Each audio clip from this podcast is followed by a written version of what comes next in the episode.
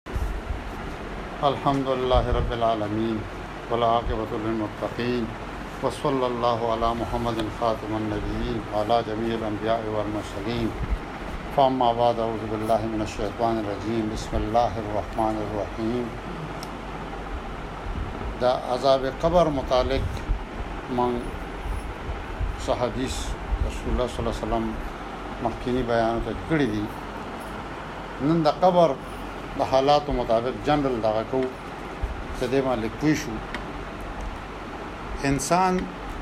مختلف مداراتو نه تیریږي د زندګي یو وخت دا سی وی چې الله تعالی په قران کې فرمایي چې ته اړو څه شی وینه یعنی د دې د وجود اړو څه وینه دا پته نه کیږي چې په کومه خوره کې کوم ازمکه کې کوم سړی نه کوم خزه نه کوم شی به څنګه پیدا کیږي څه پته نه د دې څه شی نه دا د ده یو دور دی. بیا یو دور دی چې د ده یو وجود جوړېدل شروع شي د مور په خېټه کې. یو وخت راشي څلور میاشتې پس چې د کې روح اچول کېږي. چې روح په کومه پورې نه اچول شي د ده احساسات نه چې روح پکې واچول شي بیا محسوس کېدل شروع شي د هغې نه پس. دا هغه زندګي ده چې موږ یې محسوسولی شو. د روح سره او د انسان علم په هر پهلو کې ډیر محدود دی او په بعض سيزونو کې ډیر زیات محدود دی لکه څنګه چې د روح متعلق قران کې الله تعالی فرمایي چې یس انون کان روح قل روح من امر ربي وما آتیتم من علم الا قليلا سورة بن اسرائیل کې 85 نمبر آیات کې نو هغه کې نبی کریم صلی الله علیه وسلم د روح متعلق تاسو کی نو داغه الله تعالی ولا یو مختصر جواب چې دوی ته وایا چې دا زما د رب امر ده بس د دین اخوا تاسو تاسو علم په دې باندې تاسو ته ډېر لږ علم درکړی شي علم درکړی شي خو ډېر لږ مطلب دې باندې تاسو نو دا چې د قبر په زندګۍ نه موږ نه خبر دا علم موږ ته دومره دی چې څومره موږ ته رسول الله صلی الله علیه وسلم ویلي دی د هغې نه علاوه موږ ته دام پته لګي چي دا روح سنګه راځي سنګه ځي سه چل کيږي بيا وروسته خو چي سه رسول الله صلی الله عليه وسلم موږ ته ويلي دي په هغې زموږ ايمان دی چي دا د الله رسول دی او دا حق دی نو بيا د قبر او زندگی دا یا دور دی هغه داغه حد موږ ته نه معلوم خداغه حد په قیامت آسات شپېلې والو باندې ختمېږي چې کله انسانان دوباره را ژوندي شي او پاس شي نو د قبر دا زندگی زمونږ د پاره دا یو ډیر غیر مقصوده ده قبر دوه قسمه جوړیږي یو لحد والے یو بغیر لحد نه رسول الله صلی الله علیه وسلم په خپل لحد والا قبر کې خښ شوی دی او هغه حکم صحابه دا دغه کو چې په مدینه کې دوه کسان دي نو چې رسول الله صلی الله علیه وسلم لپاره به کوم قسم قبر تیارو نو هغه په دې مشوره او کوي چې یاره دې دوه کې کم یو مخ کې راغی ا دې خپل کار جاری ساتي نو لحد والا اول اول رو رسید رسول الله صلی الله علیه وسلم لحد والا قبر تیار او یو حدیث هم پښتا هغه کې رسول الله صلی الله علیه وسلم فرمایلی چې زمونږ د پاره لحد والا قبر او هغوی بیا چې قبر کې کله ښکته کولو نو مطلب د قبر د سر د طرف نه قبر ته راښکته کو نو قبر کې چې کله مرده خودي شي نو د هغه دغه د رسول الله صلی الله علیه وسلم قبر ته کوشوي دی او مرده له مخ قبله ته کړی دی مونږ په ژوندګه په دغه کې کوچ کله وفات سم دسی ولا مخ یې اړخته تو کو نو قبر کې چې دونه د مخ اتوماتیکلی کدي سیده پروتي نو غوږ د مخ اټوماتیکلی قبلې طرف ته او په لحد کې خودو نه پس لکه یو روایت کې ابو عمر رضی الله تعالی عنہ نه روایت دی چې رسول الله صلی الله علیه وسلم بچي ام کلثوم چې کله دفن شو قبر کې کې خو شو نو رسول الله صلی الله علیه وسلم یو آیات قرآن یو آیات وی منها خلقناکم وفيها نعيدكم ومنها نخرجكم تارة الاخری چون په دې نه پیدا شوی وی الله تعالی وی چون د دې نه ته مونږ پیدا کړی یعنی د دې خاورې نه د دې ځمکې نه د دې خاورې نه ته مونږ وفیها نعیدکم او په دې ته به واپس کېږي په همدې خاورې ته واپس کېږي ومنها نخرجکم او د دې نه به بیا روباسو دې خاورو کې ستا په ظاهري ختمېدلو شي خو ختمه منم د دې خاورې نه به بیا روباسو تارة اخرى دوباره په دویم ځل باندی او بیا چی حواله کولی نو دی موقع کی خو چی کوم حدیث دغه الفاظ راغلی دی دا الفاظ دو دری قسمه دی دا هر څنګه ویلی شی خو په دی موقع رسول الله صلی الله علیه وسلم وی چی بسم الله وفی سبیل الله وعلی ملت رسول الله دا الفاظ همون پښتو کی وای چی سپارل دا غسپارلو الفاظ دی دې کې لږ شان معمولي همدغه دي بسم الله او علی ملت رسول الله ځان لم شته او یو ځای کې دام شته چې بسم الله وبالله وعلى ملت رسول الله او دام شته چې علی ملت رسول الله علی سنت رسول الله دا مختلف احادیثو کې دا ټول الفاظ راغلي دي هم مطلب هم دغه چې بسم الله وبالله کوي کو فی سبیل الله وعلى ملت رسول الله یا علی سنت رسول الله دا ټول ټیک دي دا ټول مطلب چې روایتو کې موجود دي دغه شانتي قبرونو ته مقبره ته چې موضوع نو بعضی کسان ته پتی بعضی ته نه او دا چې څوک حج ته لاړ شي مدینه ته لاړ شي هلته کې بقی په گیټ باندې بورډونه لګیدل په هغه هم دا تحریر شوی چې پیغمبر اسلام بسنګ بقی ته راتلو او قبرونو لپاره به یې کوم الفاظ سره خطاب کوو دا په کار چې موږ ټول دا څیزونه یاد کو دا هر چا په زندګۍ کې راځي السلام علیکم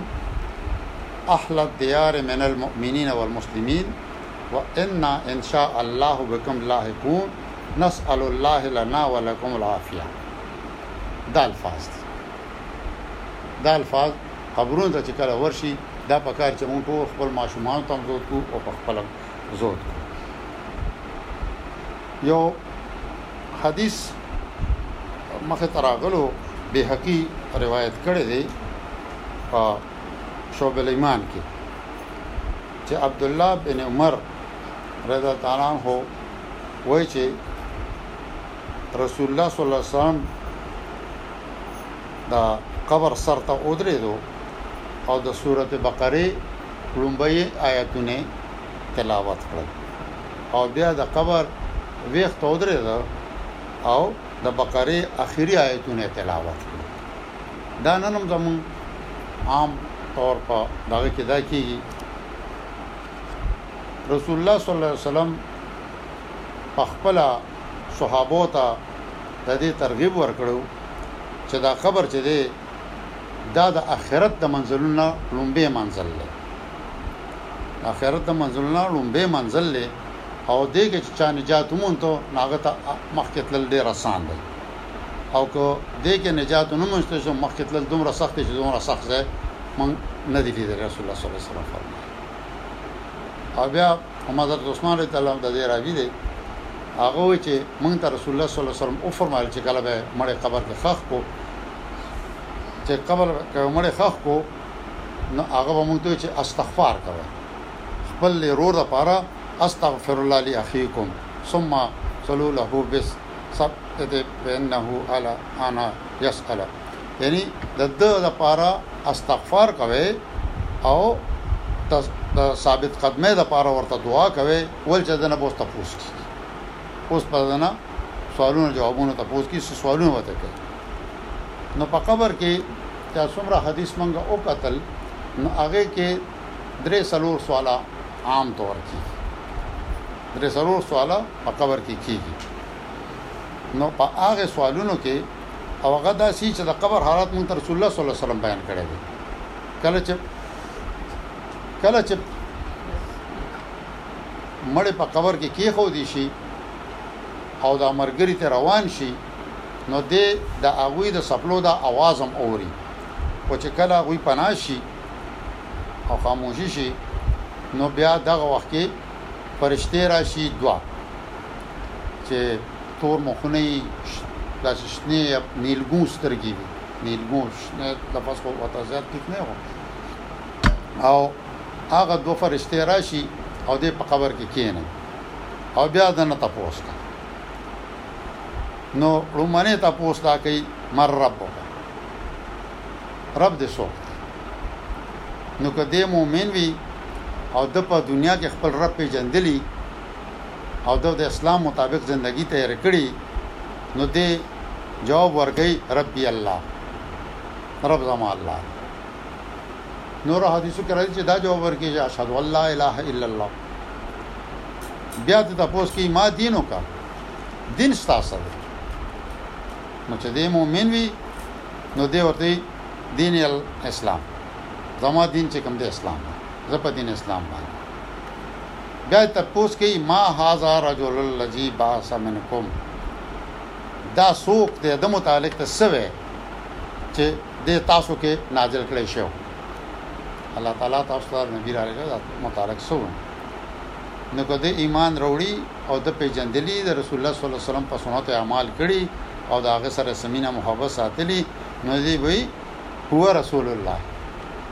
دا د الله رسول دا وایي چې اشهد ان محمد رسول الله عبده و رسوله هم یو ځای کې شته دی خو هغه دا دی نو د تبا دا عام دا کې دا دی یو حدیث کې دام راځي چې ته وایي چې دا تا ته کم ځای نه پته ولګي دا نو دی وایي چې ما کتاب الله به او پاګه زموږ ایمانو او دا هغه کې دا موږ ذکر دي موږ په هغه باندې الله په کتاب باندې ایمان راوړی دی او په دې زموږ ایمان او په دې خبرو باندې په الله او په رسول او په کتاب باندې نو اسمان نه आवाज وشي چې دته د جنت بستر خوره کې نو په قبر کې وته اول د جنت بستر خوره شي بیا دوی د لباس هم ورته جنت واچولې نو په قبر کې وته جنتی لباس واچول شي بیا ورته وای چې جنت دروازه ورته کولو کې چې جنت ویني جنت دروازه ورته کولو شي دا غنه پته جنت خوشبویات و ترا کولو شي او قبر وتا چې سو پورې پورې د انسان نظر تلی شي دومره پورې وتا قبر کولو شي انا حد نظر پورې او سو احادیثو کې خدا د انسانانو خپل خپل درجه دي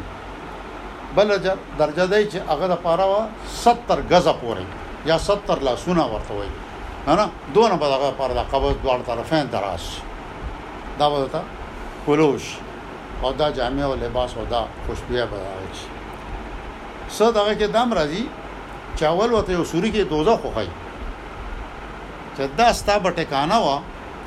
خو الله د دینه تو ساتل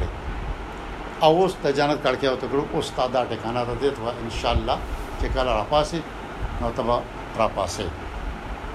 بعد کس په کې دا خواهش وکي چه دا حال دې د جنت دا د خوشحالۍ د وویني نو دی به خواهش وکړي چې یاره زه خپل خپلوانو لا ځم نو هغوی به ترې ویده شه لکه ناوې په شان ترې ویده شه که نه او ناوې هم بغیر د نږدې خپل نه څوک نه راپاڅوي نو تا به الله تعالی راپاڅوي بس تر هغې پورې ویده شه دی په خوب اوبه ویده شي الله به بیا د قیامت پر ورځ راپاڅوي او بعضې کس په پکې داسې چا د مانځه وخت دغه نو هغه ته به نور داسې ښکاره شي چې نور په ډوبېدو دی ما ګنې مونږ نه دی کړی نو هغه به مانځه د پاره پکې هغه کوششونه کوي او کم کسان چې الله نه پیژندلې د الله رسول نه پیژندلې دین اسلامي نه پیژندلې په کفر کې په نقصان کې او هغه چې کله مړ شي او ماغه شانته کې نه فرشته راشي ولا او نکیر او منکیر دغه فرشتو نومونه دي هغه ولا راشي او هغه نوم دا درې تپوسه کوي نو هر یو تپوس چې کوي چې مر ربک نو بس دی وی ها ها لا یدری افسوس افسوس ما ته صفته نشته ما ته لمزه نه خبر دغه نه چوي چې ما دینو کا هم دغه جواب ورکړي چې ها ها افسوس افسوس دی ما ادری ما تاسو پته نشته لا ادري او چې بیا ته دا رسول الله صلی الله علیه وسلم متعلق تاسو چې هاذا رجل الذی باسو منکم چې دې تاسو ته را لګل شو د متعلق د سوې نو هغه متعلق وي ها ها لا ادري او چې خلکو بسوي ما باغوي نو ته دې دروغ وي او د تواچوي نو اور بچونه نو اور بستر وته واچوي نو اور نه جوړي او د اور جامې وته واچوي د اور جامې به ورته واچول شي او جهنم ته، دوزخ ته به ورته کړکۍ کولور شي او د هغې لوګی او تود به ورته راځي او ګرمي به ده ته په قبر کې راځي او قبر پرې راجوخ شي، داسې راجوس به وي چې پښتی به یې یو بل سره ووړي راووړي. ها، نو دا دا د هغه قبر د سختۍ هغه حالات دي او بیا په دې قبر کې په ده باندې یو فرشته مسلط شي چې هغه به ړندم وي او کڼه به وي او هغه سره به د اوسپنې او ګروز وي او هغه ګروز به داسي چې یو غټ غر پی وي نو به هم خورې شي او هم خورو په شان بس راکیني او په هغه ګروز به دی وهي دی به ختمیږي دی به بیا سمیږي او بیا به وهي تر دغه پورې چې قیامت راشي دی به دغه دغه کوي دې موقع کې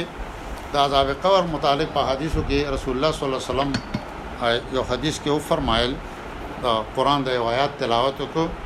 چې ثبت الله الذين امنوا بالقول ثابت في الحیات الدنيا وفي الاخره چې الله تعالی ثابت قدم ساتي هغه چاله چې ایمان وروړي چې چا ایمان وروړي اوبه ثابت قدمي په مضبوطو خبرو کې په دې دنیا کې هم او په آخرت کې نو اول خو اعمال دي او یو به تور وظیفه مونږ ته رسول الله صلی الله علیه وسلم یو دغه خودلې دي چې دا سحر ما خام وای نو ان شاء الله چې دا د دې خبرو چې کوم سوالونه په دغه کې کیږي قبر کې داغه جواب دی بس تا خپل پاغه ودت شي اول خو عمل لې چې موږ ایمان راوړو او د الله او رسول الله صلی الله علیه وسلم د احکاماتو مطابق موږ هغه کو نو دا موږ ته په خپله الله تعالی به راته ثابت ثابت قدم ساتي په دغه ټکي چې موږ اشهد ان لا اله الا الله اشهد ان محمد رسول الله ویل دي او په هغه عمل کړي نو د قبر هر جواب به موږ په خپل راځي الله موږ ثابت قدم ساتي هم په دې دنیا کې هم په هغه کې خو دې کې وظیفه او در راځي چې هغه کې دا چې رضیت بالله رب او به اسلام دین او به محمد رسول دا چې وظیفه کې کنه سحر او ماښام وې نو دا هم د قبر د ټولو سوالونو جواب په خپل ستا په ذهن په جبا په زړه کې جوړ شو نو چې دا یو سړی سار ماخام وظیفه کی نو ان شاء الله چې قبر کې به تاسو کې چې مر رب کا نو دی به ته چې ربي الله رضیت بالله رب ها او چې ما دینو کا دی په خپل هی ها دین اسلام ها په دین اسلام او چې ته دا رسول مطابق تاسو کې دی په خپل هم دا وایي چې په محمد رسول الله دغه شانته د کافرانو د پاره چې کم دی یو بل سزام د قبر شتا چې هغه د دې چې د ګروز نه علاوه پس کسانو باندې وا ماران مسلط شي په یو ځای کې 70 راځي او په یو ځای کې یو سم یو کم سل ماران راځي او یا او په بل حدیث کې یو کم خو دا به د خلکو بېلې بېلې درجې وي چې دا ماران به پرې مسلط شي او بس بیا به دوی یې خوري او ټک به پرې ورکوي تر د قیامته پورې او هغه ماران داسې دي که یو مار دې دنیا ته راغی یو پرش یې وکړ نو دا ځمکه چې کوم ده دا بیا زرغونه نه کړي څه فصل به پرې پیدا نه شي نو رسول الله صلی الله علیه وسلم په دې بنا باندې دغه کو خپلو صحابو ته يوه موقع کښې چا په لار روانو څه قبرونه ورته رالل او هغې کښې عذاب قبر کېدو نو رسول الله صلی الله عليه وسلم تپوس وکړو چه دا چا قبرونه دي نو هغوي ورته وې چه ياره يو کس ورته وې چه دا په شرک په حالت کښې مړ شوي دي اسلام کښې نه دي مړ شوي نو رسول الله صلی الله عليه وسلم ورته وفرمائيل چه ياره که ماته دا يره نه وه چه تاسو به خپل مړي بيا نه ښخوې نو ما به الله نه سوال کړو چې تاسو ته د عذاب قبر وورژ دی او عذاب قبر چې دی د انسان او جناتو نه علاوه قریب سيزونه ټول اوري صرف انسان او جنات نه الله تعالی دا شی په پرده کړی دی ډیر سيزونه الله تعالی د په پرده کړی دی نو رسول الله صلی الله علیه وسلم ورته بیا او فرمایل چې تاسو هغه ته دغه کوی او څو کلمات ورته وکول او هغه په اسات ناغه شروع کړ نو دا کلمات پکار چې موږ په خپل دعا کې دا شامل کړو هغوی ورته وفرمایل چې تا تعوذ بالله من عذاب النار نو هغوی وې قالو نعوذ بالله من عذاب النار بیا ورته وفرمایل تعوذ بالله من عذاب القبر نو هغوی چې تعوذ بالله من عذاب القبر بیا ورته تعوذ بالله من فتنه ما ظهر منها وما بطن ناوی د دې جواب دغه ورکو چې نعوذ بالله من من الفتنة ما ظهر منها وما بطن او بیا ورته رسول الله صلی الله علیه وسلم دا هم وایي چې دې باندې وایي چې تعوذ بالله من فتنة دجال نو هغوی هم د دې جواب هم دغه شانتي وکړه تعوذ نعوذ بالله من فتنة جلال من فتنة دجال نو دا پکار چې دا کلمات منګه زده کو او په هر مانځ کې بل ځای کې رسول الله صلی الله علیه وسلم فرمایلو دي ته چیرې تاسو داسې مونږ چې کوي نو تاسو سجونه اخره کې د دې دعا کوي چې الله مني اعوذ بك من عذاب القبر واعوذ بك من عذاب النار واعوذ بك من فتنه المسيح الدجال واعوذ بك من فتنه المحيا والممات نو پکار چې دا کم از کم دې پنځه شپږو سجونه چې رسول الله صلی الله علیه وسلم ته داغه دعا هم کولې ده پکار چې موږ داغه عذاب نه د الله تعالی په پناه کې ځان راولو الله تعالی دې مونږ ټول د عذاب قبر نه او د جهنم د عذابونو نه په امان کې وساتي الله تعالی دې مونږ ټول ته په حدیث باندې او په قران باندې د پوهه او د عمل کولو توفیق راکړي صدق الله العظیم